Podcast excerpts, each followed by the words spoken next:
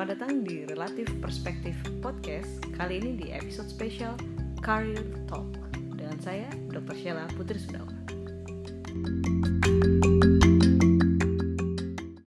Hai, kita ketemu lagi di Relatif Perspektif Podcast. Dan hari ini akan ada teman saya yang akan menemani kita untuk bicara tentang banyak hal sisi lain dari dokter yang banyak orang belum tahu. Wah, kan biasanya kalau kita kenal dokter itu pasti kerja di klinik, terus periksa pasien. Nah, ternyata nggak semua dokter kerjanya seperti itu. Ada juga dokter lain yang bekerja dengan cara yang berbeda untuk meningkatkan kesehatan orang di Indonesia. Nah, hari ini saya bersama Dokter Nurul. Nah, Dokter Nurul ini adalah seorang dokter yang lulus jadi dokter umum itu tahun 2010 setelah dua tahun praktek kemudian beliau melanjutkan untuk sekolah di public health di Harvard School of Public Health dan lulus tahun 2014 Hai! Hai Sela! Kak thank you ya sudah mau datang di Relatif Perspektif Podcast Thank you banget udah diajakin podcastnya Oke, okay, um, hari ini kita akan bahas mengenai um, hal yang mungkin belum biasa yang diketahui orang-orang sini. Biasanya kan kalau jadi dokter pasti periksa pasien, hmm. ngeliatin orang uh, sakit. Nah, tapi hmm. ini uh, yang lo kerjain kan beda banget ya kak ya sama yang biasanya kita lihat tentang kerjaan dokter. Iya, beda sih banyak kan kalau dokter pasti ditanya prakteknya di mana. Nah gue kalau ditanya kayak gitu biasanya langsung jawabnya gue sekarang di kesehatan masyarakat. Terus biasanya orang kalau udah gue jawab kayak gitu mukanya kayaknya nggak yakin maksudnya apa. Tapi iya iya aja udah. Tapi kayaknya bingung gitu abis itu. Maksudnya apa lagi tuh jawaban kayak gitu? Ya karena uh, kesehatan masyarakat sendiri ini belum lekat sebagai seorang profesi dokter ya kan? Mm -hmm orang masih ngira kalau dokter tuh pasti kerjanya di rumah sakit, bisa periksa orang, praktek ya, gitu. Benar. Ya, oke. Okay. Jadi kurang lebih adalah itu yang akan kita bahas untuk hari ini. Nah, stay tune di sesi yang selanjutnya. Apa sih alasan awalnya akhirnya tuh memilih untuk berkarir jadi dokter tuh yang nggak biasa? Akhirnya milih ke public health gitu. Awalnya banget ya kalau gue inget-inget gue juga sebenarnya suka mempertanyakan hidup gue kenapa gue bisa sampai pada titik ini kayaknya awalnya itu gue inget waktu gue lagi jaga saat gue masih mahasiswa kedokteran hmm. gue inget ada satu titik gue lagi jaga di IGD di RSCM dan gue melihat ada pasien yang uh, waktu itu pasiennya punya uh, tumor atau kanker. Saat itu kayaknya sih kanker ya. Itu besar banget sampai dia udah nggak bisa gerak. Terus gue jadi mikir ini orang kenapa udah bentuknya kayak gitu baru datang sekarang mm. there must be something really wrong outside gitu dan gue juga ngerasa banyak pasien yang kayak gitu cuma waktu itu kayaknya itu it hits me karena bentuknya aja udah udah absurd banget gitu uh -huh. maksudnya lo bisa sampai selama itu baru datang ke rumah sakit tuh there must be something wrong lah outside mm -hmm. dan itu hmm, hmm. make me things dan um, kayaknya it, it gets me curious sih bahwa uh, kenapa kayaknya kita tuh kalau di kedokteran ya kerja tuh udah kayak wah udah kayak kuli deh. Jaga siang malam. Mm. apa namanya kita lihat yang senior senior kita juga yang udah PPDS ya mungkin kayak kamu gitu sekarang udah jauh dari anak. Ups. Kerja udah kayak kuda gitu iya. kan. terus masih bikin podcast lagi. Masih bikin podcast nggak ngerti lagi sih tenaganya dari mana. Cuma maksudnya kenapa kok kayaknya masih kesehatan di Indonesia gini-gini aja gitu. Orang yang yang sakit tuh kok berat-berat banget terus masih banyak yang komplain tentang uh, layanan kesehatan di sini terus masih banyak orang yang nggak bisa akses layanan kesehatan. Dan aku ngerasa bahwa itu semua tuh jawabannya ada di luar uh, praktek klinik. And it got me really curious gitu. Dan waktu internship pun kan kita sempat stase di puskesmas tuh. Ha-ha. dan waktu aku PTT juga aku ngerasa makin ngerasa bahwa sebenarnya banyak masalah yang kita hadapin di ruangan klinik itu harusnya bisa selesai dengan adanya perbaikan di luar ruangan itu. Dan itu sebenarnya jawabannya adalah ya peningkatan kesehatan masyarakatnya gitu. Nah itu yang akhirnya membuat aku makin penasaran dan makin tertarik untuk mendalami sektor kesehatan masyarakat itu makanya sampai akhirnya kuliah S2 nya kesehatan masyarakat Oke. Jadi menurut lo sebagai dokter tuh kerjaannya harusnya kalau eh, yang baik adalah dia bisa bikin orang tuh sebelum sakit yang parah kayak gitu udah mulai berobat gitu ya kak? Kalau menurut gue sih sebagai dokter balik lagi tergantung tipe senangnya gimana ya. Karena menurut gue ada beberapa tipe dokter dan nggak ada yang salah dari semua tipe ini. Cuma memang tergantung orangnya. Ada yang emang klinisi banget, sukanya dan passionnya memang eh, ketemu pasien, kerja di klinik, kerja di rumah sakit, day to day. Ada ada temen gue tuh udah bukan waktu jaganya dia juga dia nggak pulang-pulang karena dia saking senengnya emang sama kasus ngeliat kasus Oke. gitu handle Ah, pasien ah. tuh seneng banget gitu pagi-pagi udah dateng ronde gitu kan ya emang senang tapi hidupnya kayak gitu ada yang senangnya penelitian. Kalau ketemu pasien takut banget. Pasti lo punya kan dulu Ya, ada temen yang ada. kayak gitu kan. Yang Senang, maunya tapi ngeliat di pinter belakang banget. gitu. Eh, Ah. tapi pinter banget.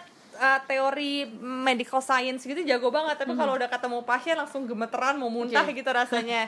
Itu yang tipe menurut gue emang cocoknya jadi researcher.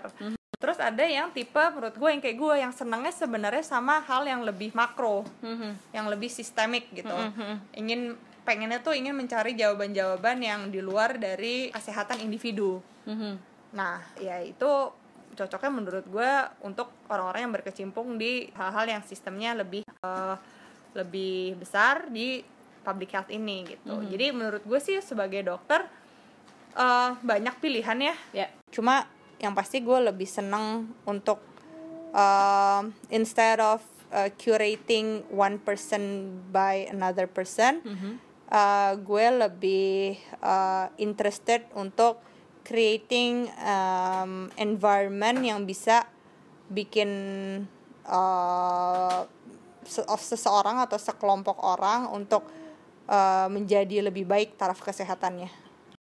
Iya, you okay? Oh, tutup mainannya. Oke, oke. Maaf ya, ada ada potongan. Eh, tadi balik lagi. Menurut gue, tiap dokter itu harusnya merefleksikan lagi ke dirinya masing-masing. Lo tuh tipe dokter yang mana? Apa yang lo suka? Mhm. Karena kalau lo memaksakan sesuatu yang lo nggak suka, akhirnya mungkin lo akan eh, nggak senang sama apa yang lo kerjain dan mungkin hasilnya juga nggak bisa semaksimal itu gitu. Jadi kayak misalnya temen gue nih yang sukanya ris- riset Research. dipaksa suruh ketemu pasien pasti males-malesan deh Males. kalau perlu dia setiap ada pasien ngumpet di balik horden tau nggak? Yep. Iya Hmm, kan yep. Sedangkan mungkin yang senang banget ketemu pasien terus lo pasti suruh riset ya ampun itu bisa nggak kelar-kelar kali Iya, risetnya karena gitu dia nggak kan suka. karena dia nggak suka nulis atau nggak Oke. suka penelitian gitu it's not your passion jadi menurut gue semua dokter tuh pasti ada ada passion dan interestnya masing-masing dan nggak ada yang salah Ya. punya interest di bidang lo gitu. Mhm. But it's not a glamorous job ya kak ya kayak public health. It's like itu bukan sesuatu yang kadang lo bisa oh ya gue eh, kerja ini loh sekarang. Kadang kan orang mengukur kesuksesannya tuh kalau dokter tuh dari jumlah pasien jadi semakin banyak pasiennya dia ngerasa dia lebih populer dibanding yang lain gitu. Tapi kalau in term of apa yang lo kerjain gimana caranya lo bisa untuk menjelaskan aja itu susah nggak sih sebenarnya apa yang lo kerjain ke orang Kalau iya sih, Em, kalau di Indonesia masih banyak yang belum terlalu paham eh, sektor kesehatan masyarakat itu apa. Bahkan gue harus berkali-kali menjelaskan ke eh, nyokap gue gitu misalnya kayak kamu tuh sebenarnya sekarang ngerjain apa sih gitu ya. Hmm. Dia kayak mukanya pasti selalu bingung setelah gue jelasin. Terus kayak habis itu nggak komentar apa-apa terus mukanya kayak ya udahlah kayaknya dia nggak ngerti juga, juga sih gue jawab apa gitu terus dia kayak bingung kalau misalnya ada yang nanya ke dia anaknya sekarang dinas di mana? Gitu kan Iya, jawabannya kayak, gitu. Hmm. ntar dia kayak jawabannya cuma oh nggak dia ambil kesehatan masyarakat. Terus habis itu end of conversation gitu. Karena yang nanya nggak tahu mau nanya apa lagi nyokap gue kalau ditanya lebih lanjut juga nggak bisa jawab lagi apaan. Tapi lo pernah gak sih kayak kayak nyesel terus ngelihat teman-teman lo pasti sekarang kan udah yang banyak ya mesti jadi lulus jadi dokter spesialis gitu. Nah itu pernah gak sih lo kayak aduh kok kenapa gue dulu nggak ambil spesialis aja? Gitu kak. Ah, kalau nyesel sih sebenarnya enggak ya. Cuma sering banget tuh ada momen yang tau gak sih lo momen yang what the hell am I doing? Momen. Itu sering banget kayak kayak mempertanyakan mempertanyakan semua kayak dalam hidup lo. Iya kayak why am I doing this to myself? Gitu kan. Di saat mungkin gue ngelihat teman-teman gue sekarang kerjanya udah lebih jelas gitu. Eh, ya misalnya kerja di rumah sakit mana atau kerja di klinik mana terus income-nya juga mungkin eh, udah lebih besar gitu kan. Cuma terus kalau gue terus menelaah sedikit gitu misalnya gue setiap momen itu ada muncul gue mikir lagi kayak would I do would I redo what I did? Aha. enggak sih. Enggak ya? Enggak sih. Maksudnya lo kalau tetap akan memilih ini? Iya. Maksudnya kalau misalnya gue balik lagi nih dulu apakah gue akan menukar hidup gue dengan hidup teman gue yang sudah ngambil spesialis? Hmm, kalau buat gue enggak sih. No. ya, tapi tapi what the hell am I doing momennya itu sering banget Sering tapi banget. tapi gue terus jadi berpikir bahwa kayaknya di semua keputusan lo akan tetap mempertanyakan itu pada diri lo sih Aha. karena gue melihat itu di teman-teman gue yang lain maksudnya teman-teman gue yang kayak Iya. misalnya lo lagi PPDS gitu mungkin Iya. lo akan ada kan momen-momen di saat lo jaga jam 5 pagi terus udah gak ketemu anak lo sebulan gitu kan kayak why am I doing this to myself gitu kan atau kayak mungkin di saat lo um, I don't know mungkin hal lain kayak lo ngerjain apa yang pertama lo menganggap itu sebagai tantangan tapi pas dikerjain kok capek juga ya pasti kan lo ada juga pertanyaan juga ya. kayak gitu kayak kok gue nggak ngapain sih gitu kan udah enak-enak kemarin jalannya kayak gini Iya. kenapa ngambil jalan yang yang enggak enggak sih ada Iya, gitunya Ya. jadi ya ya udahlah gue ngerasa kalau pilihan gue bukan yang ini what the hell am I doing? Momennya juga akan ada sih pasti. Tetap ada ya? tetap ada. Kadang kayak ngerasa kenapa ya gue nggak ah, nikah sama orang ini terus habis Iya, itu gue atau kayak- hidup ongkang-ongkang kaki. Iya, atau- ngapa-ngapain atau mungkin kayak di saat lo harus banyak acara keluarga ke acara keluarga suami lo gitu mungkin lo kan kayak kenapa sih gue udah nikah udah harus nikah sekarang? Kayaknya kemarin enak nih gue cuma datang ke acara keluarga gue Iya, sendiri iya, nggak harus datang ke iya, acara iya, keluarga iya. orang Oke, jadi sebenarnya apa pun yang kita kerjain pasti akan ada momen akan ada momen downnya lah ups and downnya, that's lah right, Iya, yep. iya. kalau yang em, spesifiknya sebenarnya yang lo kerjain tuh kayak gimana sih kak?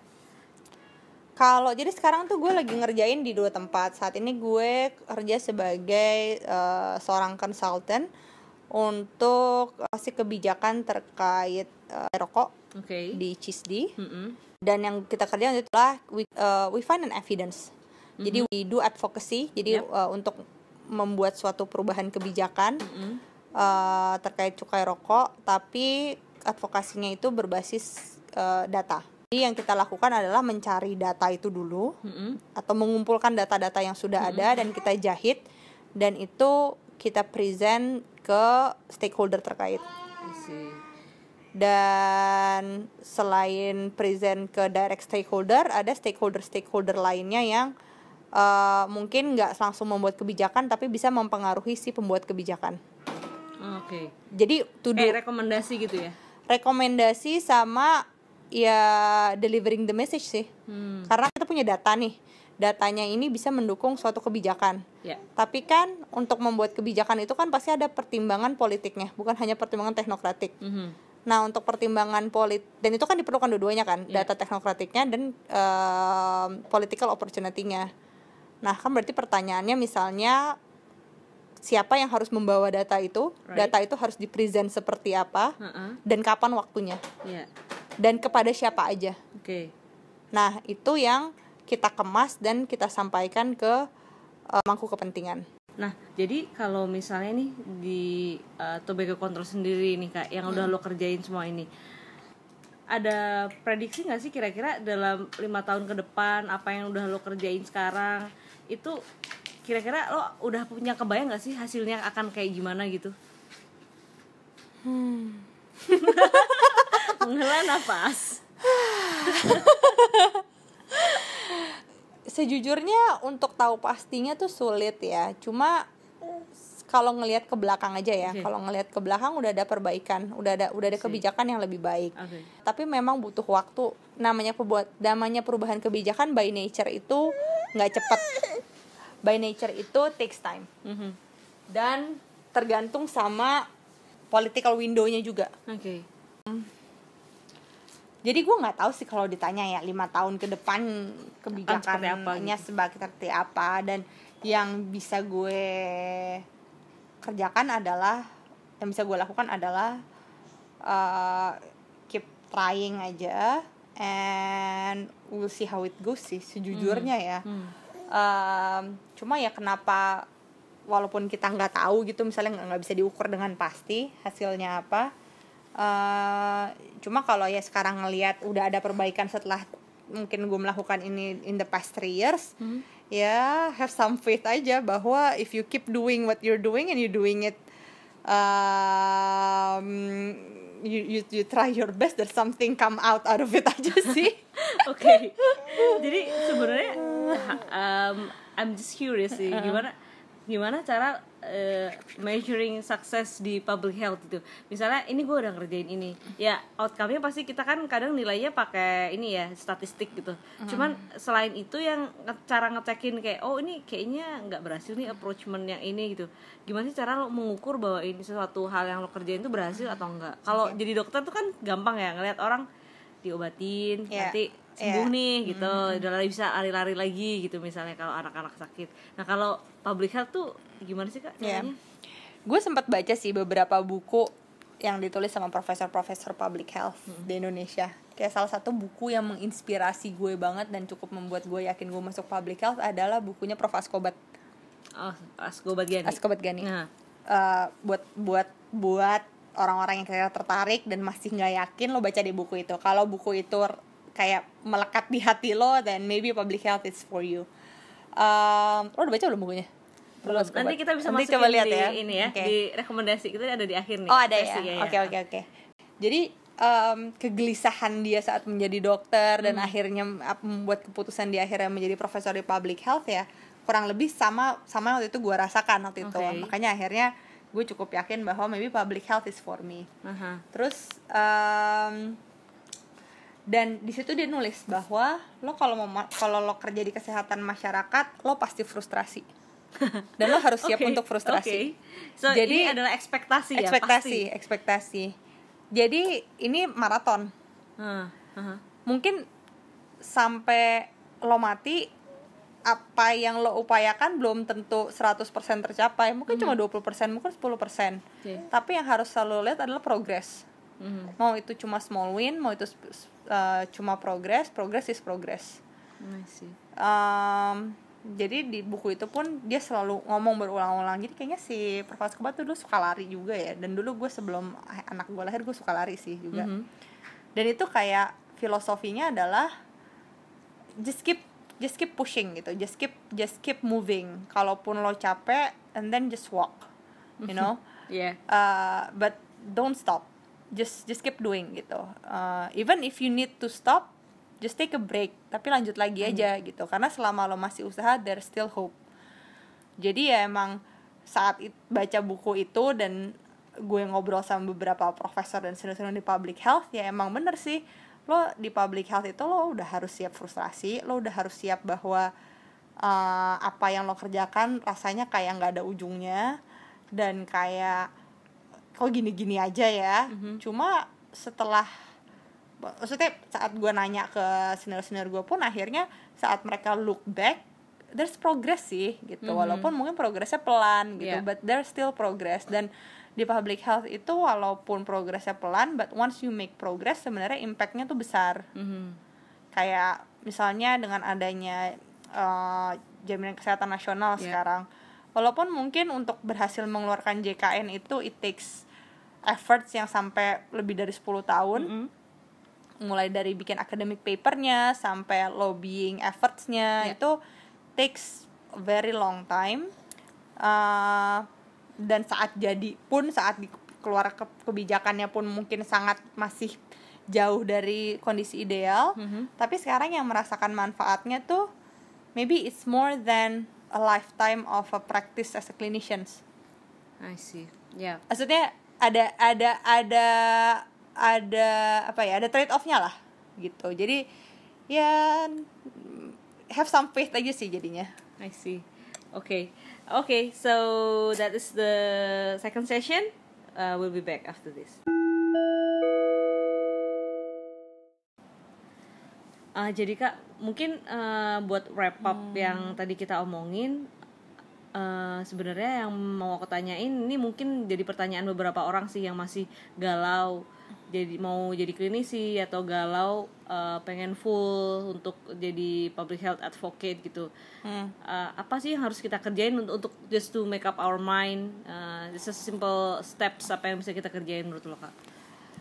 Ini berarti buat dokter-dokter yang tertarik public health tapi masih galau gitu Ya, ya dan mungkin yang udah terjun di public health tapi sekarang jadi goyah-goyah Goyah. goyang-goyang ya Iya. Em, mungkin pesan gue adalah em, selalu balik lagi ke apa sih sebenarnya yang lo suka terus kalau gue sih selalu bikin list pro and consnya Mhm. kayak why am I doing what I'm doing karena kadang kan saat lo lagi galau your emotion itu akan melebihi uh, logika lo ya. kan take Ah, over your logics ah. jadi ya kadang it helps sih untuk melist down lagi kenapa lo ada di sini pro-nya apa consnya apa apa yang mau lo capai apa yang lo suka Em, kemarin temen gue si Ayu sempat ngepost di Instagram media hal yang bagus banget saat lo bikin pil- em, mau bikin suatu keputusan bikin empat hal. Misalnya saat lo mau bikin mau ngambil pekerjaan gitu. Misalnya lo mau pindah kerja nih mau ganti banting setir gitu ya. Sebenarnya apa sih empat hal yang menjadi pilihan lo? Eh, dan itu lo kategorikan sebagai must ha- must have Mhm. nice to have, uh, tolerable, sama uh, yang terakhir tuh apa sih istilahnya gue lupa. Pokoknya intinya yang terakhir itu sama sekali uh, kayak big no-no-nya. Oke. Jadi misalnya kayak must have-nya misalnya kerjaan yang uh, ada dampak luasnya pada masyarakat, Oke. masih di sektor kesehatan. Mm. Um, uh, you have a decent salary, Right. right? Mm. Belum misalnya nice to have-nya adalah you get to travel a lot Mhm. dengan kerjaan yang lo pilih. Terus uh, you get access to high level making policy makers Right. gitu, right? Terus misalnya yang tolerable-nya uh, working after hour, Right. right? Atau kayak weekend works. Mhm. Big no-no-nya misalnya ya minimum wage salary Yep. gitu ya. Atau kayak uh, big no-no-nya you cannot apa namanya? Uh, you cannot attend family events atau Mhm, kayak yeah. holiday season yang Right. gitu-gitu. I, I don't know, kan tergantung dari ini lo sendiri kan. Ya itu jadi bikin bikin listnya Bikin itu list. supaya lo merasa kebijakan lo itu bukan cuma karena berdasarkan emosi atau based on fear.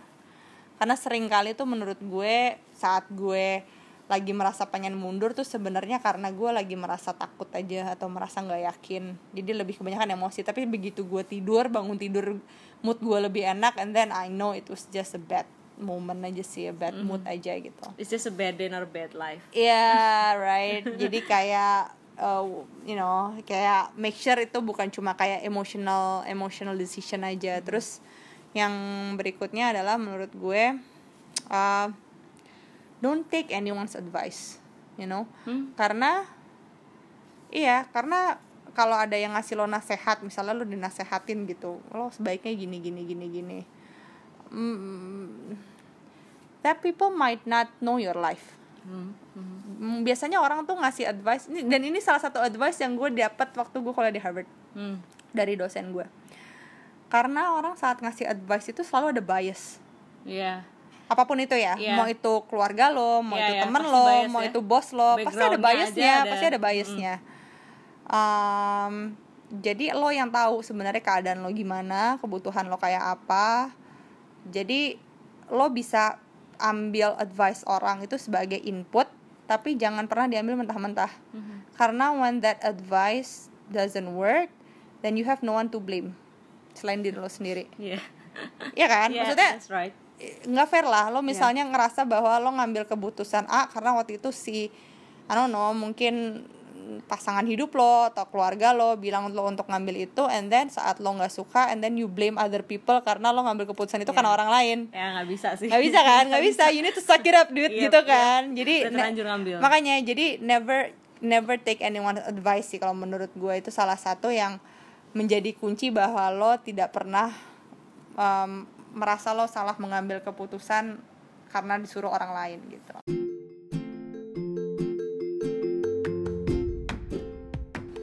Nah we've come to movie and book recommendation. Ada beberapa buku yang gue sama Kak Nurul mau rekomendasiin yang nyambung nih sama topik kita tentang public health dan uh, perjuangan dokter yang kerja di public health. Oke, lo dulu kak, apa kak?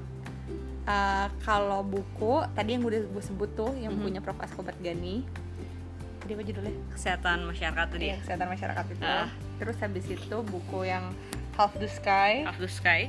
Um, Ini si yang um, turning operation Oppression to something ya ya uh, with ya half the sky ini kan yang lo Iya, maksud Iya, iya. Sama satu lagi buku Poor Economics. poor economics. Poor Economics. Half the Sky ini yang uh, ditulis sama Nicholas Christoph dan Cheryl Woodun. Nah, ya, yang ceritanya tentang gimana orang di seluruh dunia yang dia kayak kasih contoh-contoh Iya, iya, iya. tentang kegiatan mereka. Women's uh, health, right? Ya, right. Iya. Macam-macam ya, ya, ya ada tentang um, gimana orang di beberapa negara ngerjain yang uh, Iya. mikroekonomi Iya, gitu-gitu iya, kan? iya, ya, ya, a, uh, jadi ada tiga rekomendasi ya kak ya. Iya, kalau buku. Kalau buku. film, Film, ya ini gue uh, imitation game.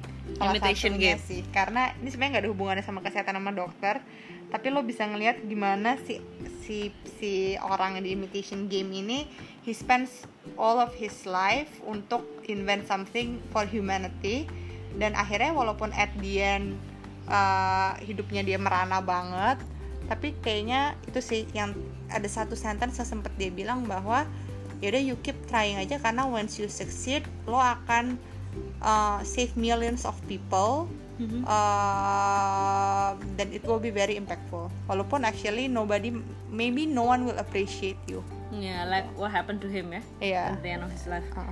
Dan ini satu buku yang mau gue rekomendasiin. Katanya kalau dia nggak suka buku ini, ini Mountains Beyond Mountains. gue ngantuk banget Ngantuk ya. Tapi ya, but it was a really nice read for me. Iya. Ini menceritakan ceritanya si Paul Farmer itu dalam semua kegiatannya dalam partner in health, gimana dia memperjuangkan uh, kesehatan masyarakat di Haiti dan banyak negara ya, lain. Ya, uh, so that's the end of our relative perspective podcast. padahal dulu dosen gue loh di Harvard But you don't like people The book. Oh ya, but it's not his book sih. oh iya bukan his book ya Oke.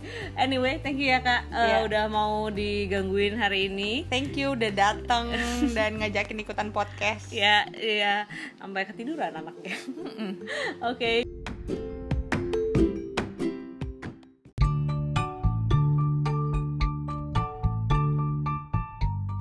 So that's the end of our relative perspective podcast episode kali ini.